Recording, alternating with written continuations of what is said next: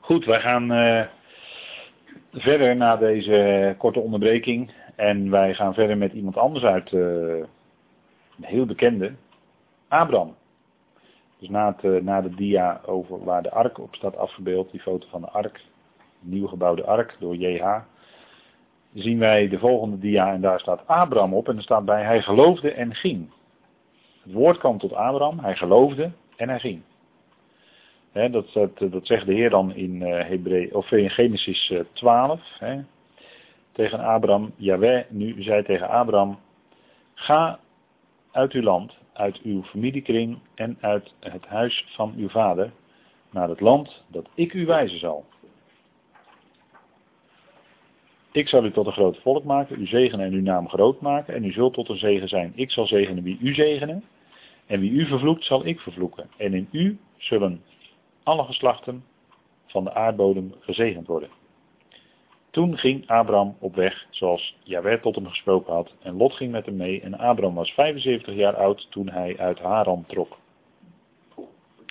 Dus hij was eerst weggetrokken uit Ur der Galdeën, dat weet u hè. Daarom zegt Stefanus in zijn reden in Handelingen 7 dat de God der, de God der heerlijkheid, die verscheen aan Abraham. Dus Abraham heeft wel wat gezien hoor. Abraham betekent, Abram, u weet Ram, Ram, Rama, Rimon, weet u het nog? Dat is verheven. Dat betekent hoog, verheven. Verheven vader betekent, hè? Ab is vader. En Ram is dan afgeleid van Rama, Rimon, Rimon is granaatappel, weet u wel, de granaatappel. Dat is uh, de vijfde vrucht hè, uit uh, Deuteronomium 8 vers 8. De granaatappel. En uh, en we kennen natuurlijk ook de amandel, hè, dat is de, de vroegbloeier. Dat is een van de eerste die in het voorjaar gaat bloeien, hè, de amandel. En wat is, wat is een amandel? U weet wel dat, dat ja, de prunus, de, het gouden, de gouden in Jeruzalem. Wat is dat? Dat is eigenlijk een amandelboom, toch? Of vergis ik me nu? Die staat heel groot van goud in de straat van Jeruzalem. De gouden kandelaar, ja, dat is een amandelboom. Weet u? Nee. Ja, dat is een amandel eigenlijk. Ja, granaatappel is de vijfde vrucht. Ik zei granaatappel, maar ik moest aan de amandelboom denken. Hoe, waarom weet ik niet, maar granaatappel is inderdaad de vijfde vrucht. Uit Deuteronomium, uh, nee dat is niet waar. De zesde vrucht zie ik. Vierde, nee. Nee, de vijfde vrucht inderdaad. Uit Deuteronomium 8 vers 8. En daarna komen nog de olierijke olijfbomen en de honing. Land vloeiende van melk en honing. Daar ging Abraham naar op weg. En u weet dat zowel melk als honing in de Bijbel op een of andere manier een uitbeelding is van het woord van God. melk, de onvervalste melk van het woord van God. En de honing is datgene wat de vaste spijze is in de natuur. Dat is ook het woord van God, dat geeft wijsheid woord van God geeft wijsheid, dat is honing. Dus, en eh, als de profeet een boekrol moet opeten, dan smaakte het als honing. Dus dan weet u dat eh, zowel melk als honing allebei een uitbeelding zijn van het woord van God. Dus even, als u denkt aan een land vloeiende van melk en honing, dan weet u dat die beide, waar dat een type van is. En Abraham ging op weg, hij had het land nooit gezien, maar hij geloofde, ja, de God der heerlijkheid verscheen aan hem in Ur, der Galdeën. Oer betekent eigenlijk licht. Hè? En Galdeën heeft iets te maken met demonie. Dus daar aanbaden ze de maan. Hè? Sin, daar had je de stad Sin ook. Dat was de maangod. De maangodsdienst. Daar kwam, dat was de omgeving eigenlijk waar Abraham opgroeide. En hij trok weg met vader Terach. En toen hij overleed uit Haran, ging Abraham uit Haran weg. En hij had de belofte, de geweldige belofte, dat hij tot een groot volk zou worden, dat hij in een land zou komen wat hij erfelijk zou bezitten, maar hij heeft er nooit één, bijna meen dat er staat dat hij nooit daar, voetzool daar heeft bezeten, maar dat hij slechts een bijwoner was en hij woonde in tenten. Dat was omdat hij vreemdeling en bijwoner in feite was. Abraham iemand met geweldige beloften. En heel Abrahams leven, dat is heel rijk aan beelden. En dat wordt natuurlijk ook in de schrift vaak aangehaald. Hè? Abraham geloofde in de God van de opstanding. Hij was namelijk, eh, hij geloofde dat toen hij zijn zoon Jitschak op het altaar legde, dat God hem ook bemachtigd was hem uit de doden op te wekken. En nu ben ik weer terug in Hebreeën 11. Hè? Dus hij geloofde in de opstanding. Dus Abraham geloofde en hij ging. Het zette zijn voeten in beweging. Het was een leidraad in zijn leven. Het geloof. Geloof in die God, in het woord van God dus. Want geloven in God, dat gaat gelijk op met geloven in zijn woord. veel mensen geloven in een God, maar dat zijn meestal mensen die zeggen, ja, ik geloof ook wel dat er iets is. Ja, iets, wat is dat? Dat is bijna niets. Ik geloof ook wel dat er iets is. Ja, wat het nou is. Nee, wij geloven in een God en die God die spreekt. Die spreekt. Woorden. Woorden die betrouwbaar zijn, die blijven staan, die vast zijn, die een verwachting geven in je leven. En om ons heen wordt het chaos in de wereld en het wordt steeds erger chaos. En niemand weet nog meer waar het voor en waar het eind is. Dus, dus koestert men zich maar bij de televisie om maar even de ogen te sluiten voor wat er allemaal gaande is in deze wereld, want die wordt steeds chaotischer. Maar wij hebben het vaste woord van God. Het profetische woord dat zeer vast is. En dat schijnt als een licht in een duistere plaats. Want alle woord van God is profetie. Het is vast, het verandert niet. God is altijd dezelfde. Ik ben, en daarom is zijn woord ook onveranderlijk en vast. En daarom betrouwbaar. En daarom hebben wij een verwachting. Dat hij die gesproken heeft het ook zal doen. En hij roept dat wat niet is, roept hij in aanzijn alsof het er al was. Dat is de kracht van zijn woord. Hè? Tegen hoop, tegen alle verwachting in, geloofde Abraham God. En op 99-jarige leeftijd, ja hoor, daar ging, het, daar ging het komen. 99 jaar was hij toen. En hij was 100, 100 jaar oud toen Isaac geboren werd. Nou, dat is ook al een en al beelden zijn dat. En hij verwachtte, zegt Hebreeën dan, de stad met fundamenten. Dat is iets hoor. Links ziet u een foto gemaakt met de Hubble-telescoop op deze dia. Dat is een beetje roodachtige vierkant of kubus, of wat is dat? En deze foto die veroorzaakte heel veel beroering, met name in Amerika bij gelovigen. Want zij meenden dat daarmee een foto was gemaakt van het Nieuw Jeruzalem. Dat veronderstelt men. Dat weet ik niet. Ik uh, laat het in het midden. Het zou kunnen, maar we weten het niet. Het is wel een heel opmerkelijk verschijnsel dit. Maar wat het precies is. En uh, rechts is natuurlijk een uh, prachtige gefotoshopte foto, hè, zoals ze dat dan noemen. maar dat is een, een, een, kleine voorstelling van als dat Nieuw Jeruzalem gaat neerdalen uit de hemel op de aarde dat, daar heeft deze, degene die deze foto heeft uh, samengesteld, zeg maar, die heeft uh, daarbij iets in het hoofd gehad en zo op die manier geprobeerd uit te beelden. Nou, het is natuurlijk maar een hele zwakke uitbeelding van wat de werkelijkheid zal zijn, maar Abraham, dat is het wonderlijke, die verwachtte de stad met fundamenten. En algemeen wordt aangenomen dat het Nieuw Jeruzalem is. Dat hij daar iets van gezien heeft. Dat kan niet anders, anders kan hij dat niet verwachten. Hij moet iets gezien hebben. Of God heeft met hem daarover gesproken. Dat kan ook. Een van de twee. Maar hij verwachtte de stad met fundamenten. Er staat nergens in Genesis dat, het, dat God met hem daarover sprak. God heeft alleen gezegd, je, je nageslacht zal zijn als de sterren des hemels, zo talrijk. Dus er is wel een verbinding met de hemel, als het gaat om beloften enzovoort. Maar, goed, hij verwacht in ieder geval de stad met fundamenten, dus Nieuw Jeruzalem. En uh, dat is natuurlijk een geweldige verwachting. En als Abraham daar iets van gezien heeft, nou, dan is dat een blik die zijn de rest van zijn leven nooit meer vergeten heeft. Dat kan ik u verzekeren. want als je dan leest in openbaring wat, hoe die stad beschreven wordt, Ja, dat is een onvergetelijke aanblik natuurlijk. Als hij dat toen heeft gezien, dan is dat natuurlijk onvergetelijk geweest. En uh, dan heeft hij weliswaar in tenten gewoond, maar dan had hij zo'n sterke verwachting dat dat hem helemaal niet deerde.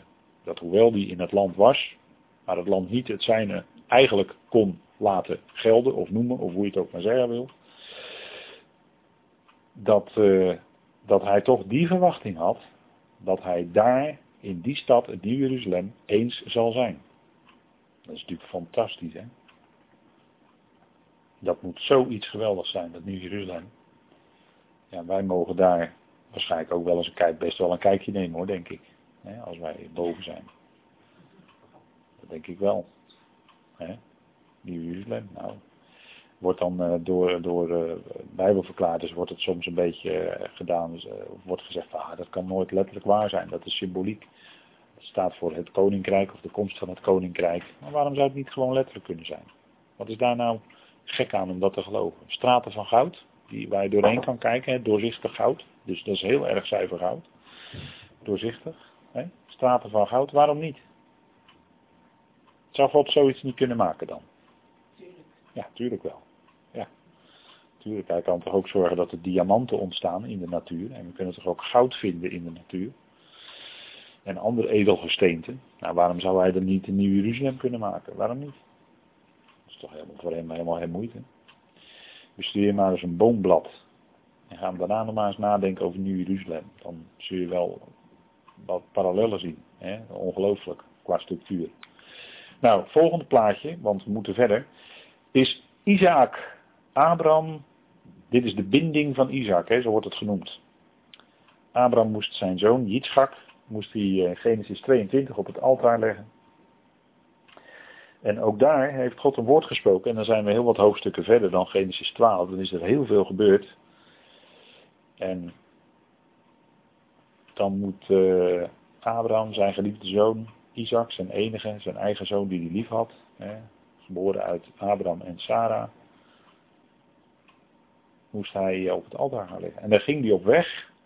En dan hebben we natuurlijk, dat is een geweldige geschiedenis natuurlijk met geweldige beelden, ook naar de dood van onze Heer. Maar waar we dan wel eens overheen lezen zijn de details, want Abraham ging op weg met zijn zoon Isaac. En toen stond hij in de morgen vroeg op. Dat staat er dan zo, hè? Genesis 22. Dus dat is al eigenlijk een, eh, een, dat is al een heenwijzing naar de opstanding. Want daar gaat het eigenlijk om in die geschiedenis. En dan neemt hij mee twee jonge mannen, of twee jongelingen staat er dan. Daar lees je ook overheen. Maar die gingen gewoon mee, hè, twee jongelingen. Dus eigenlijk iets, hè, twee, is eigenlijk al een dubbele dus. En dat heeft iets te maken met eerstgeboorterecht. Want de eerstgeborene erft een dubbel deel. Dat is een vaste wetmatigheid in de schrift. De eerstgeborene erft een dubbel deel. Uh, een bekende eerstgeborene was bijvoorbeeld, uh, of tenminste, degene die niet echt eerstgeboren was, maar wel het eerstgeboorterecht kreeg, was Ephraim. En Ephraim betekent dubbele vrucht. Dat is Ephraim, daar zit ook PR in, u weet wel, van parpar, die, die breuk, die vrucht. Daar zit PR in, dat is vrucht. En dan Ayim, dat is een, meer, dat is een tweevoud. Dus Ephraim betekent dubbele vrucht. En dat is ook wat bij de eerstgeborene hoort, die krijgt een dubbel deel. Dus dat heeft daar ook verband mee. want Ismaël was, als je het puur bekijkt, degene die naar de natuur het eerst geboren werd uit Abraham. Maar Isaac kreeg het eerstgeboorterecht. En zo gaat het steeds door. Hè? Jacob en Esau. Esau werd het eerst geboren, maar Jacob kreeg het eerstgeboorterecht. Ephraim en Manasse. Manasse werd het eerst geboren, maar Ephraim kreeg het eerstgeboorterecht. En zo gaat het steeds door hè, in de schrift. En als het gaat om twee, dan is het dus dubbel en dan heeft iets te maken met eerstgeborenen. En die hoeven niet naar de natuur het eerstgeboren te zijn, maar die krijgen wel het eerstgeboorterecht. En dat is door God bepaald. En, en twee jongelingen, twee, daarin zou je ook iets uitbeelding van de gemeente kunnen zien, want de gemeente lichaam van Christus is samengesteld uit geloven uit Israël en uit de heidevolkeren, dus ook twee die toch één zijn. En hij nam mee een ezel. Een lastdier. En dieren in de Bijbel, die hebben ook altijd een bepaalde betekenis als eh, dieren genoemd worden. Bij, uh, weet nog bijvoorbeeld bij koning Saul, bijvoorbeeld, om maar eens wat te noemen. Daar speelde ook een ezel een belangrijke rol. Hè? En ezels die zijn dan wel eens zoek in de Bijbel. Die zijn zoek soms. Die zijn er niet. Die zijn zoek, eigenlijk verborgen. Als ik het met een ander woord zeg. Nou, een ezel, daar hebben we al vaker over gehad, die heeft ook grote oren. En grote oren hebben is een teken van geloof, want je hoort het woord. Je hoort het woord. Dus een, uh, een ezel is eigenlijk een heel mooi type van een gelovige. Die heeft zijn oren namelijk gespitst staan naar het woord van God. En zo is een ezel, en dan moet je maar eens nagaan in diverse geschiedenissen, op een of andere manier een beeld van een gelovige. Toen de Heer Jezus van de Olijfberg afreed, toen reed hij op de rug van een ezelsjong, hè, waar nog nooit iemand op gezeten had. Een ezelsjong. En over die ezel waren klederen gelegd van de discipelen. Waarom staat dat er nou? Hè? Dat is eigenlijk een, een, onzinnige opmerking van de schrift. Aan de ene kant zou je zeggen, het is een detail wat er eigenlijk niet toe doet. Want het belangrijkste was dat de Heer op die ezel natuurlijk die olijfberg overging. Maar waarom staat er dan dat die klederen van de discipelen eroverheen gelegd werden? Nou, omdat een ezel ook een beeld is van iemand die gelooft. En die discipelen waren de gelovigen toen. Dus daarmee, daarmee kreeg die ezel die klederen aan, als het ware. Kijk, op die manier kun je ook de schrift lezen. Maar dan is het even van de andere kant benaderd. En dan zie je dat bepaalde waarheden gewoon weer terugkomen. En dat alles wat er staat een betekenis heeft. Elk detail heeft een bepaalde betekenis, wil iets zeggen. Nou, en zo gaat Abraham op weg en daar spreekt deze geschiedenis dus een en al over geloof. Abraham ging op het woord van God. Hij gaat en hij gaat op grond van geloof. Hij gaat niet op grond van wat hij ziet, maar op grond van geloof. Geloof in de God van de opstanding, want daar gaat het hier om. Hij stond dus morgens vroeg op en hij kwam op de derde dag bij de berg Moria. Nou, wat wilt u nog meer aan, aan, aan aanwijzingen? Hè? En Abraham overwoog dus, hoewel hij zijn zoon moest slachten daar op het altaar, hoewel hij dat moest doen, overwoog hij daarbij dat hij zijn zoon, dat God bij machten was zijn zoon uit de doden op te wekken. En hij heeft hem bij wijze van spreken ook daaruit teruggekregen, zegt Hebreeën 11 dan. Dus die hele geschiedenis, wat beeldt dat uit? Dood en opstanding. Dus dat God een God van de levende is, dat wordt daarin maar weer geïllustreerd. En dat hij dus bij macht is uit een hopeloze situatie iets nieuws voor te brengen. Want wij zouden naar de mens zeggen, van nou nu is het gebeurd. En Abraham zal het misschien ook wel gedacht hebben, dan moet mijn geliefde zoon, dat zal hem in zijn hart gestoken hebben. Moet hij zijn geliefde zoon gaan offeren. Maar hij geloofde in die God van de opstanding. Daar gaat het om. En bij de opstanding heb je dus een nieuw begin. Na de opstanding heb je dus een nieuw begin, een nieuwe schepping, iets nieuws. En wat hebben we vanavond geleerd wat, wat troost geeft?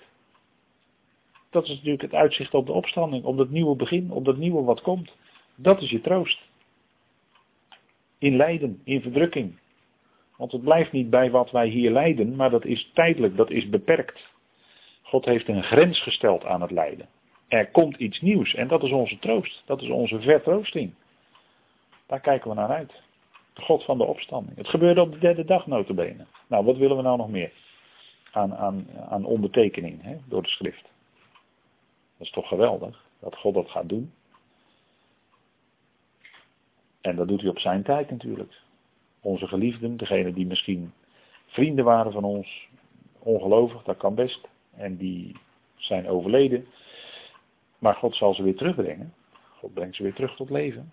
Er komt een opstanding. En uiteindelijk ook een levendmaking van allen. Nou, dat is toch onze troost, dat we dat uitzicht hebben. Dat is toch onze verwachting.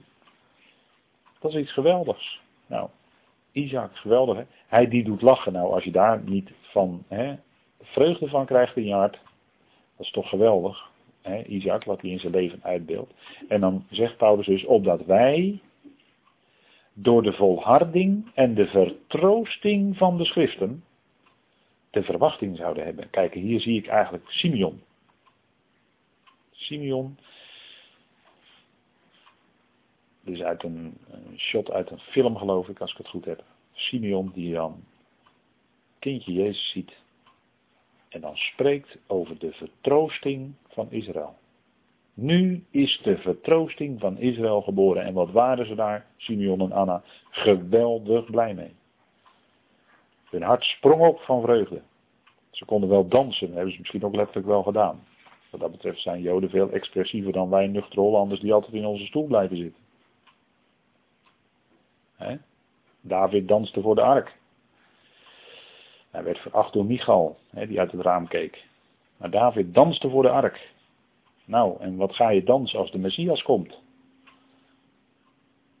Nou, dat geeft echt vreugde hè, van binnen. Nou, dat zag je bij Simeon en Anna ook. Geweldig hè. Nou, en dat wij dus door de vertroosting van de schriften, en we hebben vanavond wat illustraties erbij gezocht, wat vertroosting uit de schriften met elkaar verzameld, dan hebben wij toch een geweldige verwachting. Dan wachten wij daarop en dat is gewoon volle zekerheid voor ons. Dat is niet, dat is niet een vage hoop. Van ja, ik, ik hoop maar dat het morgen gaat dooien. Nee, eh, het is een zekere verwachting. Dat er vreugde gaat komen in de toekomst. Dat God al zijn beloften gaat vervullen. Troost, troost mijn volk. Jezaja 40. Dat, daar opent het troostboek van Jezaja mee. Weet u wel? Jezaja 40 tot 55. Dat is het troostboek van Jezaja. Dat begint met een dubbele troost. Troost, troost, mijn volk, zegt Yahweh. Moet u eens even nagaan. Hè? Daar gaat er wat door hem heen hoor. Het is zijn volk. Ondanks alles ging hij als de God, de volhardende God, met hen door, met hen mee. Hij trekt met hen mee door hun geschiedenis. Ook al zijn ze 2000 jaar lang de wandelende Jood, die opgejaagd wordt onder alle volkeren. Maar God ging met hen mee en ze zeiden steeds weer volgend jaar in Jeruzalem. Dat is hun hoop en verwachting en zekere troost en bemoediging. Er komt iets nieuws, er komt een koninkrijk, er komt uitzicht, er komt een Messias. Troost, troost mijn volk. Het lijden is voorbij. Oh, Jezaja 40, dat is geweldig. Als je dat gaat lezen en het gaat tot je doordringen wat het betekent voor, voor Israël. Ja, dan ga je met Israël meejuichen. Dat doet Paulus ook in Romeinen 15. verheugt u heidenen met zijn volk. Nou, dat kunnen we nu al doen, hè? ons op voorhand al verheugen, want die Messias gaat komen en hij gaat zijn volk verlossen. En dan zal het Jezaja 40 zijn hoor, troost, troost mijn volk, denk erom. Als hij zijn voeten zet op de Lijfberg. Nou, dan komt er echt vrede, dan komt er echt shalom. En dat is tot grote troost voor dat volk. Er komt iets nieuws namelijk. Dat is de troost. Hebben we het weer, hè? De troost is dat er iets nieuws gaat aanbreken. Een nieuwe tijd, een, een koninkrijk van de Messias. Eindelijk, daar is hij dan. Maar hij gaat komen nog een korte, korte tijd, zegt de profeet. En dan zal ik komen en zal, u over mij, zal, ik, u, uh, zal ik mij over u ontfermen. Nog een korte, korte tijd. Nou, dat is een troost. En dan komt dat nieuwe begin. Ah, dat is geweldig, hè? Dat is iets geweldigs. En dat, dat is wat ook eh, de psalmist bidt, hè? David, in psalm 23. Hè? Yahweh roi lo echsar, staat er dan in het Hebreeuws. Het zijn bekende woorden. Ik herinner mij dat wij dat in, uh, ooit wel eens hebben opgelezen. En Therese was erbij. Ja, ja, ja, ja. Ja, die weet dat ook nog precies, denk ik. Ja, ja, ja. Mooie maaltijd klaargemaakt. Hè? Ja, prachtig. Yahweh Roi Lo Echsar. Geweldig, hè? Hier zit, hier zit eigenlijk alles in. Mij ontbreekt niets. Als je Yahweh kent als je herder, en dat woord herder, Roi, ja, daar zit heel veel in. Daar is het uh, Franse woord roi ook van afgeleid, de koning, want de koning moet eigenlijk ook een herder zijn. Dus dan heb je eigenlijk alles. Als Yahweh je God is, dan heb je alles. Dan ontbreekt je niets meer. Mij ontbreekt niets. En dan kunnen we misschien lichamelijk gebrek lijden of materieel gebrek lijden. Maar als we God kennen, dan ontbreekt ons niets. Dan hebben wij in feite alles.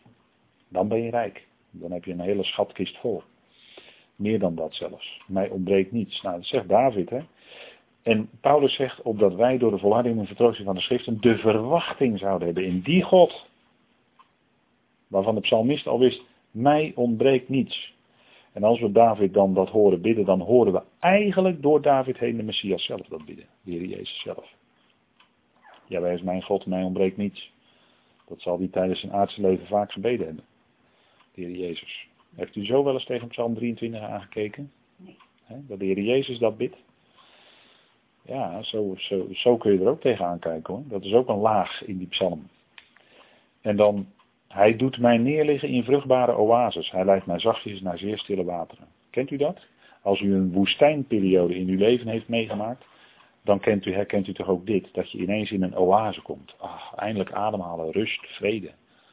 Na die moeilijke periode komt er nu een periode even van rust. Het is als een oase in je leven. Niet groene weiden, want dan denken we aan uh, uh, de Alblasse Waard. Nee, het gaat hier om vruchtbare oases in de wildernis van Israël, in Judea en zo. Daar is wildernis, daar is woestijn. Daar, daar als je dan komt in een vruchtbare oase met palmbomen en zo, dan ervaar je dat echt wat die psalmist uh, heeft ervaren. En dan geestelijk. Want daar gaat het natuurlijk om, hè, voor ons. Als je een hele moeilijke periode, en dat kan soms jaren voortslepen. Maar het kan ineens zo zijn dat God het geeft. Dat je een periode hebt van vrede. En dan is het waar, hij leidt mij zachtjes naar zeer stille wateren. Daar word je gekoesterd door het woord. Stille wateren, dat is natuurlijk ook het woord. Hè? Water is altijd een beeld van het woord van God. Het woord wat vrede in je geeft, stille wateren. Nou, dat is wat, hè. En onze verwachting, die zien we hier, hè. Gemeente, wij gaan naar de hemelingen. Israël gaat tot zegen zijn voor de volkeren. De volkeren ontvangen zegen door Israël. De schepping, ja, daar komt een nieuwe schepping. Dat is onze verwachting, hè? even snel gezegd. En dan 23 vers 4. Al ging ik ook door een ravijn, vol van de schaduw van de dood. Ik zou geen kwaad vrezen. Waarom niet? Want u bent bij mij. Nou, dat is geweldig. Dat zijn geweldige woorden. Als je dat beseft. Hè? Mij ontbreekt niets. Vers 1. En vers 4 is, want u bent bij mij. U bent met mij. Dus hij gaat met jou door die verdrukking heen. Hij gaat met jou door het lijden heen. Sterker nog, hij draagt je door het lijden heen. Want zelf kun je dat niet dragen namelijk. Het lijden, de verdrukking, de moeite, de pijn over het verleden misschien wel. De diepe harte pijn die bij een mens kan zitten in zijn ziel. Over het verleden, over de jeugd. Want denk erom dat daar soms wat wordt aangericht hoor. Denk erom, dat kan een heel mensenleven stempelen. Wat in de jeugd wordt aangericht bij een kind, bij een mens. Afschuwelijk soms. En dat kan je hele leven tekenen, maar wat ben je dan gezegend als God je geloof geeft. En je gaat het ervaren, want u bent bij mij. Dan is er wel die knagen, die, die schrijnende, die zeurende pijn misschien uit het verleden. In je ziel. Maar dan bent u bij mij. U met de hoofdletter. Ah, dat is geweldig hè. Uw stok en uw staf, want we hebben het vanavond over troost, die vertroosten mij. En stok en staf, dat staat van verschillende kanten bekeken, ook voor de opstanding. Ik zeg het nu even snel, maar daar heeft het wel mee te maken. Uw stok en uw staf, die vertroosten mij. Het een is tot bescherming tegen de vijand en de ander is tot, uh, tot koestering van de schapen, om het zo maar te zeggen. Maar die vertroosten mij. in, in die moeilijke situatie weet je dat de Heer bij is. Dat Hij leidt. Dat Hij dicht nabij is. Nou, uw stok en staf. Heeft op een of andere manier te maken met opstanding. En dan zit je ook gelijk weer bij de troost. van het nieuwe wat gaat komen. En dan tuimelen de beelden over elkaar heen misschien. Maar ja, de Heer is dan degene ook die dat ene schaap. Hè? Er zijn er 99 in de stal, er is eentje zoek. Die gaat hij zoeken. Zo is, zo is God. Die ene, het afgedwaalde schaap, dat gaat hij zoeken. Want zijn hart gaat uit juist naar die. Die verschoppeling. Die misschien door anderen genegeerd wordt. Diegene die door uh, alle andere mensen misschien uh, links blijft liggen. Dan weet u best wel wat ik bedoel. Maar diegene, die wordt door de Heer niet vergeten hoor. Want hij zal ze allemaal vinden tot de laatste aan toe. En er zal er niet eentje missen uiteindelijk aan het eind van zijn plan. Zal er niet eentje missen. Ook niet de ergste verschoppeling onder de mensen. En dat is onze troost. Hè? Dat is onze vertroosting. Dat, kijk, zo is God. Hij heeft oog voor diegene die in het oog van de mensen onogelijk, klein en niet toedoet, uh, niet belangrijk is. Uh, wat moet ik nog meer gaan aanvullen? Nou, diegene heeft God op het oog. En bij diegene is zijn hart betrokken. Want zijn hart gaat uit naar alle mensen. En dat is geweldig, hè? Nou, de God van de volharding en de vertroosting. Ik heb er wat tekst uit Deuteronomium. Hè. Dat blijkt ook in de geschiedenis van Israël, maar dat hebben we vanavond ook al gezien. U moet die teksten maar eens opzoeken. Deuteronomium 8 vers 4 en 29 vers 5. Wat God daar zegt. dan is Israël uitgeleid uit Egypte. Wat een geweldige zegen. Maar daarna kwam de woestijn. En wij uh, komen tot geloof. Geweldige zegen. We zijn geweldig blij, rijk, heerlijk. En dan komt de woestijn van het leven. Dan komen al die jaren. Ja, met moeite, met pijn, met verdriet, met akelige dingen. En zo ging het ook in het volk Israël. Het ging ook door de woestijn 40 jaar lang. Mosje aan het hoofd. Maar Yahweh ging mee. En dat was natuurlijk geweldig, hè?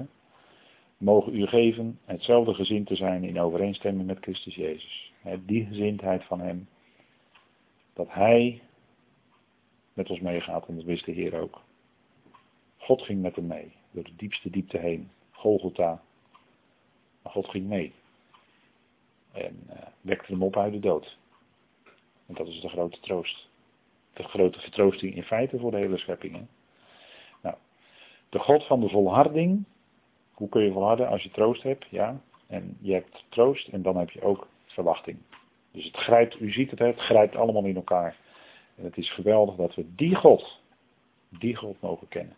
Die zijn volk niet laat gaan. Israël zal op zijn plek komen. Absoluut zeker. Want God heeft het beloofd. En zo zal het ook met de gemeente zijn. Die komt ook op zijn plek. Op die plek waar God die gemeente stelt. En daar zullen we ook komen. Absoluut zeker. Dat is onze verwachting. En dat is ook onze grote troost. En dan kunt u weer verder. In geloof. net als al diegenen die wandelden zoals Mozes als ziende de onzienlijke. En dat geldt ook voor ons. Nou goed, tot zover vanavond.